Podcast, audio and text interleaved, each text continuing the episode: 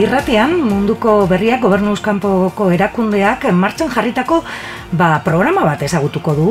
Duela hilabete batzuk mundu berriak Hernanik udalaren laguntzarekin Kolombian nazioarteko lankidetza proiektu batean ari da.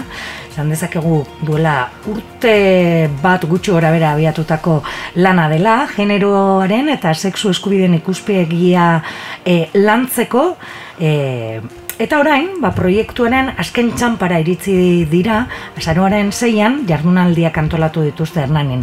Baina hasieratik abiatuko dugu, eta horretarako, ba, gurera batu egin zaizkigu, amaia aurrejola, eta hane hortiz, e, mundu berriak e, gobernuzkanpoko erakundeko kideak, haupa, eguerdion? Haupa, ne, Espaldiko partez berriro ere, bueltan irratian, amaia. hori da, hori da. Bueno, eh, aipatu dut, ez? Duela eh, urte bat gutxi gora beraz abiatutako proiektua, lankidetza proiektua dela.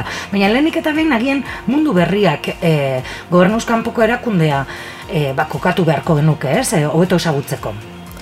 Bueno, mundu berriak eh, kultura arteko garapenerako eh, elkarte sexologiko eta feminista bat da, Eta, bueno, helburu nagusienetariko bat, e, sexu eskubideen defentsa eta sexualduntze prozesuen ba, sustatzea da e, indarkeria matxista korokorrean eta sexu indarkeria konkretuki prebenitzeko eta mm. esku hartzeko. Eta, bueno, ba, hortan gabiltza 2008 garren urtean jaio zen, baina 2008 garren urtean, ba, bueno, e, bide estrategiko berri batiekin genion eta eta handik aurrera batez ere ba, ba hontan jarduten dugu. Mhm. Eta e, lankidetza proiektuak egiten dituzu eta aipatu dugun bezala Kolombia, Venezuela eta Hernarinen arteko e, ba, proiektu bat martxan jarri duzue e, e, proiektuan gainera izango genuke ja azken fasean edo sartun da dagoela, ez? Konta iguzu, konta e, bueno, ba, no, nola izan den proiektua edo zer eh, norekin egin duzuen elkarlana? Bueno, mundu berriak eko kide bat, kolombiarra da, mhm. Andrez. Eta, bueno, ba, eh, Andrez, e, soziologoa eta abokatua da, eta, bueno, ere giza eskubideen ba, defendatzaia eta aktivista, ez? Eta, bueno, ba, bere garaian, e, boiaka departamentuko e, Antonio Nariño izeneko unibertsitatean lanean ari zen, ba, ikertzaile eta irakasle bezala, eta kontsulta juridikoaren testu inguruan, ba, migrazioen ekipo bat martxan jarri zeban, mm ikasle baten e, laguntzarekin.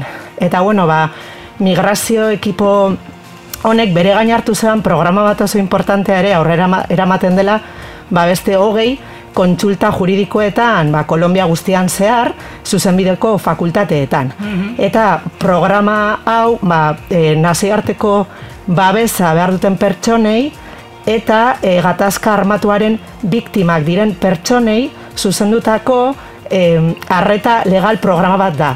Mhm. Orduan, bere gain hartzerakoan programa hau, ba, azken urteetan gertatu den fenomeno bat izan da, batez ere, ba, venezualarrak e, bueno, ba, e, ikusten ari zirela. Hau da, venezualarrei, ba, arreta legala eskaintzen ari zirela, arreta mhm. hau, e, kalitatezkoa eta doainik da eta batez ere ikasleek aurrera ematen dute. Baina, klaro, arreta hau eskaintzerak orduan hasi ziren detektatzen mhm. indarkeria matxista kasuak. Ah. Baina, nolabait, e, ez zirela guztiz gai, erabat e, detektatzeko mm falta zitzaiela ba, formakuntza eta baliabideak, eta behar izan hau detektatu zuen, eta esan zeban, benga, Mm -hmm. ematen zuena ziren e, laguntza juridikoa bakarrik, ez izango genuke. Hori da, eta hor mhm. ikusi zuten arreta integralagoa eta eraginkorragoa izan behar zela, eta horreterako, ba, bueno, ba, proiektu hau sortu genuen, eta egin duguna izan da sexu eskuiden eta genero ikuspegia txertatu, mm ba, programa honetan. Bai. bai, hemen interesgarria da ere bai asaltzea pizka bat zeintzuk diren boiaka zonaldearen ezaugarriak, ez? Azkenean boiaka e, iparraldean, Kolombiako iparraldean kokatzen den e, lurraldea da eta Venezuelatik oso oso gertu dagoen e, tokia. Hortaz, e, boiakak gaur egun ba Venezuelatik e, mugitzen diren pertsonak asko, asko dago, ez? Hori da, eta mm Venezuelako kidek be bai aipatzen ziguten bezala, ba Covidaren e, on ondorio ba, pertsona asko ba, migratzea erabaki du eta hortaz e, gaur egun ba, e, espazio eta toki horretatik e, ibilbidea egiten ari dira, ez? E, Venezuelatik Kolombiaruntz edo edo beruntz, ez? Jarraitzen dute beraien bidea eta gu aukera izan genuen bertan egoteko eta gure begiekin ba, ikusten genituen, ez? E, nola ba, ibiltzen oinez, juten ziren errepidetik eta eta egunak, ez? Ematen zituzten bertan. Eta ere interesgarria da aipatzea e, boiaka badela oso, oso lurralde kontserbadorea, mm ez? E, sexualitatearekin zer daukan edo zer gauza. eukiko duela, ez? Tabu handiak eta, ez? Kristonak, ez? Eta hango kidek ere aipatzen ziguten adibidez, ba nola e, abuso, abuso infantilaren datuak ere beldurgarriak zirela, E, eta bueno, ba, sexualitatearen gaia oroar ba, ez dela hitz egiten, ezta? Mm Eta orduan e, uste dugu ba, proiektu honen impactua ba, oso, oso importantea izan dela, ez? E, oso handia eta eta bueno, hori ere importantea da, ez? Mm Kokatzeko. Azken finean, ba, proiektua horre eramaterak orduan, impactua ez, ba, izan da oso handisa, ez bakarrik e, Venezual, hau da, e, errefusiatu eta migratzaile venezolarrentzat, baizik eta Kolombiako komunitate guztiarentzat. Azkenean implikatu dugu akademia, implikatu dugu komunitatea, implikatu dugu baragie sozial eta politikoak, hau da, e, implikatu dugu jende pila bat. E, eta horren ondorioz, ba, impactua izan da baina hundisa, ez? Ez bakarrik akademian, baizik eta ba, komunitate guztian, eta horretarako egin dugu ekintza, hmm. hainbat, hainbat e, ekintza hasi behar izan genuen online.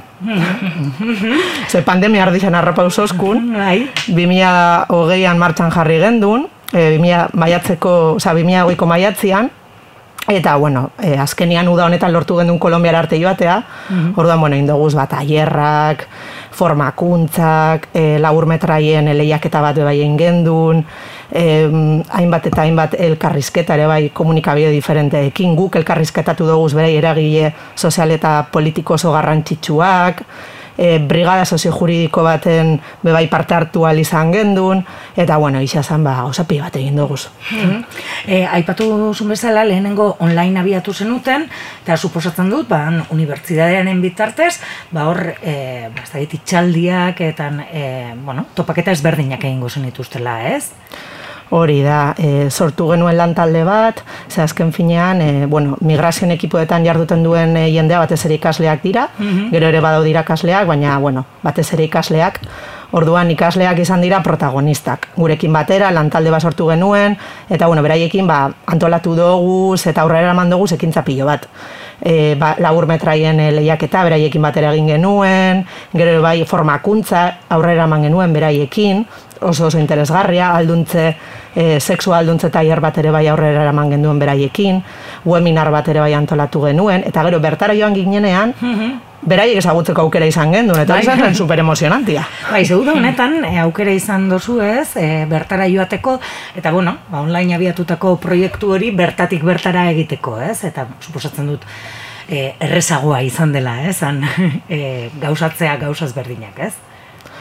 Bai, egisa zan da, e, ara aldu arte ez ginen oso konstiente e, lurraldearen e, ezaguarrietaz. Mm Eta hori, anek esan da bena, oza, izan da oso, oso impactante, ez? Zelako leku arrotz baten, alako gaiak, e, bueno, ba, e, txertatu doguz, eta resistentziei, bueno, resistentziei gain ditu doguz. Mm Zer bai, ala bai, guri buruz egin dute, eta gai honi buruz egin dute. Mm Zer resistentziak suposatzen dut denetarikoak, e, eta e, leku ezberdinetatik etorriko mm ziret, zirela, ez? E, e, dinot, unibertsidade batean egon zaret, eta e, gizarte olakoa bada, ez? Eta sexuarekin, eta olakoekin, eta eskubide honen inguruan e, berba egiteko, bat aboak badituzte horrere izango ziren, ez?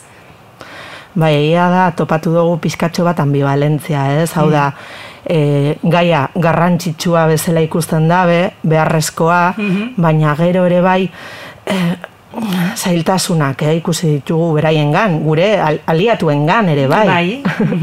ez hori zelan tabua dan, naiz eta beharrezkoa dan, ez? Orduan, bueno, hor mugitu gara, ez da izan erreza, baina asko ikasi dugu eta asko hasi gara, denok. e, suposatzen dut eurentzako ere interesgarria izango litzatekela, ez? Han egin duzuen e, dena parte hartu duten e, kidentzako. Bai, oso, oso, oso impacto positiboa izan da eta nahiko sakona. -hmm. Eta jaso izan dugu e, adibidez bideo diferenten bitxartez, ba, adibidez formakuntza jaso ostian ba, egin genuen evaluazio bat, eta evaluazio horretan ba, hainbat pertsonen testimonioa jaso genuen. Gero ere bai, e, adibidez, Hernaniko jardunaldian ere bai, bueno, ba, eukiko dugu aukera, ere bai ba, erakusteko, ez? Eta, eta bueno, ba, jartzeko beste bideotxo bat ere bai, mm ba, jasotzen duena nola impactatu duen, ez? Jendeari ba, proiektu honetan e, parte hartzea, ez? Osa, gure helburua ere izan da, impacto hori jasotzea. Mm Aipatu duzu Hernani, esan ere hau lankidetza proiektu bat da, Kolombia Venezuela eta Hernaniren artean, ezagutza eta esperientziak partekatuz, berdintasuna, anistatusuna, anistasun sexuala eta migrazioak, ez? Horrela du izen burua. E, aipatu dugu egindakoaz, baina noski orain e, bertara dator, ez? Hernanira eta horretarako topaketa batzuk antolatu dituzue, e, azaroaren zeian, jardunaldiak izango dira, eta, bueno, ba, Onbidatu askorekin, gai asko eta oso ezberdinak. E, konta iguzu Hernanirekin zeharreman izango duen guztionek. Jo, ba, guretzako oso oso garrantzitsua den puntu bat, e, azkenean lankidetza joan etorriko zeo zer bezala ulertzea da, ez? E, ez da gu hemendikoa zara laguntzera, mm -hmm. baizik eta... dena dakigu, ez? Hori da, dena dakigu, eta gu gure medioekin, gure baliabideekin, bagoa zuei zuen bizitza kobetzera, ez? Hori, hori ez da helburua, ez? Azkenean, e, esan bezala ulertzen dugu joan etorriko zerbait bezala, hartu emaneko zeo zer, eta e, orain helburua nola bait, ba, e, Kolombian ikasitako guztia, Kolombian gertatzen ari den guztia, ba, Euskal Herrira ekartzea da, ez? Eta, bueno, ba, Hernanin egiteko egin behar genuen, ba, azkenean Hernaniren laguntza gabe proiektu hau ezinezkoa izango litzatekelako mhm. aurrera eramatea, eta, bueno, ba, Hernanik baditu, ez? E, ezaugarri zehatz eta, eta oso interesgarriak, bada oso herri e, ba, e, langilea, e, ere e, komunitatea oso implikatua dago, oso eraldatzailea da, ez? Eta hainbat prozesu e, bizitzen ari den herria da, eta hortaz, bueno, ba, e, toki ba, ezin bea dela uste dugu. Eta egun osoan zehar, azaroaren zeian, e, bueno, ba, jardunaldiak goiz eta ratzaldez e, izango dira, e, gainera, e, bueno, ba, handik ere Kolombiatik etorriko da jendea. Egingo dugu errepasoa zer, zer izango den, zerren ez gai egongo diren e, maiganean ere, egun horretan?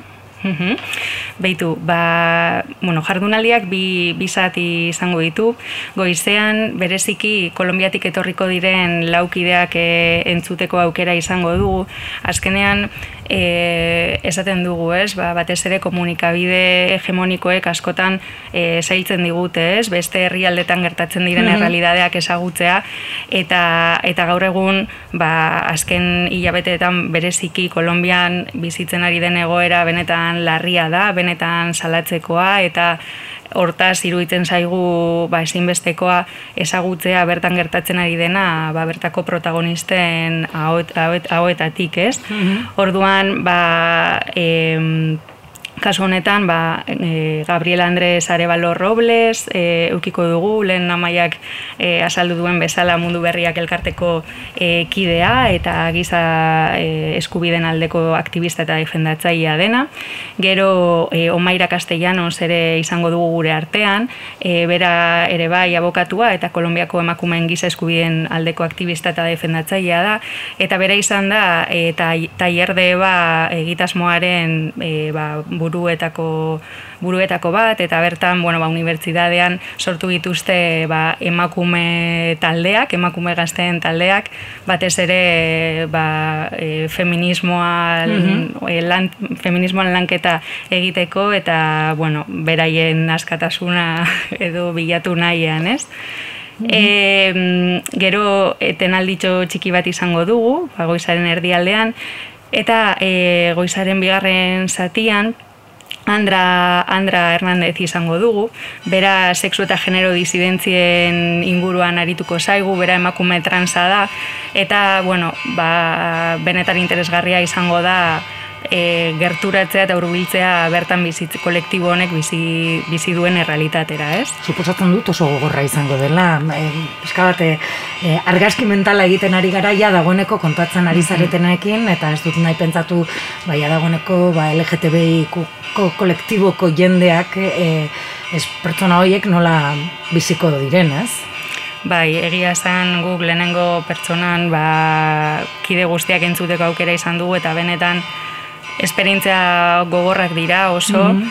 eta eta bueno, oso importantea iruditzen zaigu ba beraiei ahotsa ematea, ez? Eta benetan ezagutzea ba bertan biziari diren guztiak. Mm ondoren, e, gonbidatu gehiago izango dira, ez da?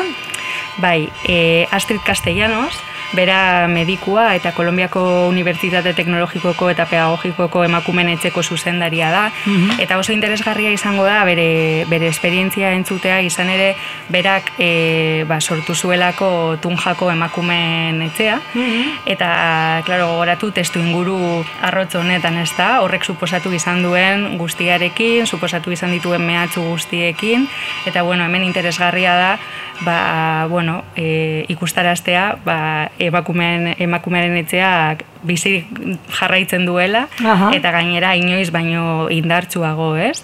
Orduan, bueno, ba, berak beraien esperientziak e, elkarbanatuko ditu gurekin eta goizari bukaera emateko nolabait e, proiektuaren e, laburpen txikitxo bat konpartituko dugu bertaratzen diren pertsona guztiekin, e, batez ere, ba, proiektu honek e, Kolombiako herrian e, euki duen impactua e, ba, helarazteko edo. Mm. Arratzaldean, egun osokoak dira, bueno, gero paskaria izango da, eta arratzaldean ere tailerrak izango dira, ez? Eta maien guruak. Bai, e, hori baino lehenago, aipatzea guretzako baskaria ba, momentu berezia izango dela, ez? Mm Azken finean, jarrunaldi hauetan ere nolabait e, ba, urbiltzen diren pertsonen arteko elkarbanatze topaketa batzuk izatea nahi ditugulako. Ez bakarrik joan entzutera eta listo, ez? Baizek eta, bueno, ba, sortu alba dira aliantzak edo saretze horiek, ez? Hain garrantzitsuak direnak, ez? E, Hori da, hori da helburu nagusienetariko bat, ez? Eta eta horrekiko dugu baskari berezi bat hemen Bilboko sustraia katerinak e, antolatuko dauena eta bueno, beraiek elikadura agroekologikoan oinarritutako sukaldaritza vegetarianoa egiten dute eta e, Augustia ikuspegi feministetatik eta interseksionaletatik, ez? Eta bueno, e, aipatzea interesgarria iruditzen zaigu, ba Augustia ere zaintzen dugulako, ez? Eta iruditzen mm zaigu interesgarria, ba, ba egiten duguna ikuspegi hauetatik e, burutzea. Eta gero arratsaldean, bueno, e, buelta bat emango diogu e, egunari eta bertan e, hiru mai inguru desberdin eukiko ditugu e, irumai inguru hauetan, Kolombia, Venezuela eta Hernanien artean gai desberdinetan emanten diren esperientziak eta borrokak elkarbanatuko ditugu. Eta, eta bueno, ba, mai inguru bakoitzean gai desberdinak landuko ditugu. Lehenengoan berdintasuna eta feminismoen inguruan arituko gara, bigarren mailan e, sexu anistasunaren inguruan eta e, azkenengo maila e, migrazioen inguruan. Eta mai bako hitzean, ba, Venezuelako, Kolombiako eta Euskal Herriko ba, esperientzia bat mm ekarriko dugu eta helburua izango da ba, ba, elkar banatzea, elkarren zutea, eta posiblea bada, ba, bata bestearen gandik ikastea, ba, are, are beagoa, eta gainera baliagarriak izan daitezkeen gauzak barneatzen baditugu, ba, ba beto. Eta gun horretan ezin bagara da joan, e, irakurri duguna gaitik ez gara eskatu behar, aldiak streaming bidez ere emango direlako, ez? Bueno, gaur egun ja oikoa bilakatu zaiguna. bai. Bueno, bai. E, parte hartzeko, e, bueno, ba izena eman behar da, ez? Mm -hmm. Suposatzen dut, jakiteko zema jende urbilduko den, eta barrez. Bai, bereziki horregatik eh, eskatuko dugu izen ematea, jakiteko ba, janari aldetik eta ere espazioaren aldetik, ba, zenbat pertsona izango ditugun. Eta, eta bueno, esan bezala, gure zareetan be bai, aukera izango duzue eh, hor zintzilikatuko dugun estekan jardunaldiak eh, zuzenean jarraitzeko. Eta, eta bueno, ba, larun batean ez badukazue plan, bueno, plan polita daukazue, hernanira gerturatzeko, eguna e, egunaz disfrutatzeko, elkarren artean ikasteko eta konpartitzeko, eta gero urrengo egunean ere, ba, hortik egun aprobetsatu nahi baduzue, mm -hmm. ba, azte buru bikain antolatzen du dizue mundu berriak, bai. momentu batean.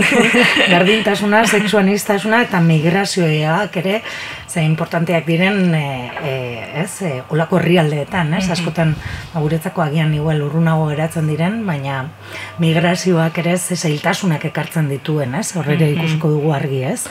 Bai, irugai horren inguruko hausnarketa politiko bat aurrera mhm. emateko aukera izango dugu, denon artean. Ez ikusteko ba, e, erresistentziak nola aurrera ematen ditugun, eta eta nola erresistentzia horiek konpartitzen ditugun be bai.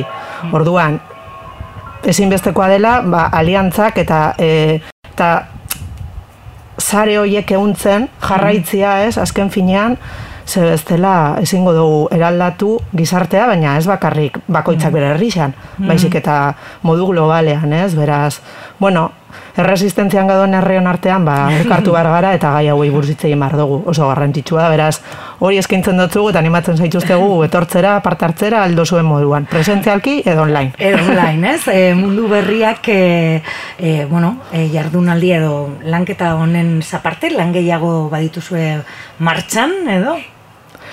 Bai, gauza pila bat ditugu bai. martxan, bai. bai, bueno, suposatzen dut guzti hau, bueno, ez da edo nolako jardunaldia ere, gonbidatu asko datozelako, bai. eta abar, eta hori den antolatzea ez da, eta kontu makala, ez?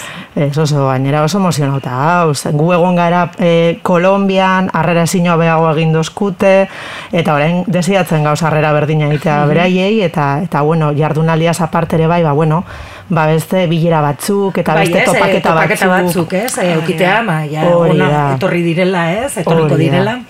Mhm. Bai, adibidez, e, igandean e, basoa, basoa proiektura gerturatuko gara, e, dala artean e, giza eskubien defendatzaientzako sortu duten espazio berria ezagutzera eta bueno, Euskal Herriko emakume etxe desberdinetara gerturatuko gara baita ere eta zenbait itzalitzo iztenari gara momentu hontan azkenan helburua da ba, hori alik eta jende gehiagoren gana heltzea eta eta denon artean ba azten jarraitzea, ez? Mm Ba, entzuleari gogoratu egingo diogu, azaronen zeian izango dira jardunaldiak Hernanin, eta aipatu dugun bezala, ba, Gaia, Kolombia, Venezuela eta Hernaninen artean ezagutzak eta esperientziak partekatuz, berdintasuna, anistasun sexuela eta migrazioak.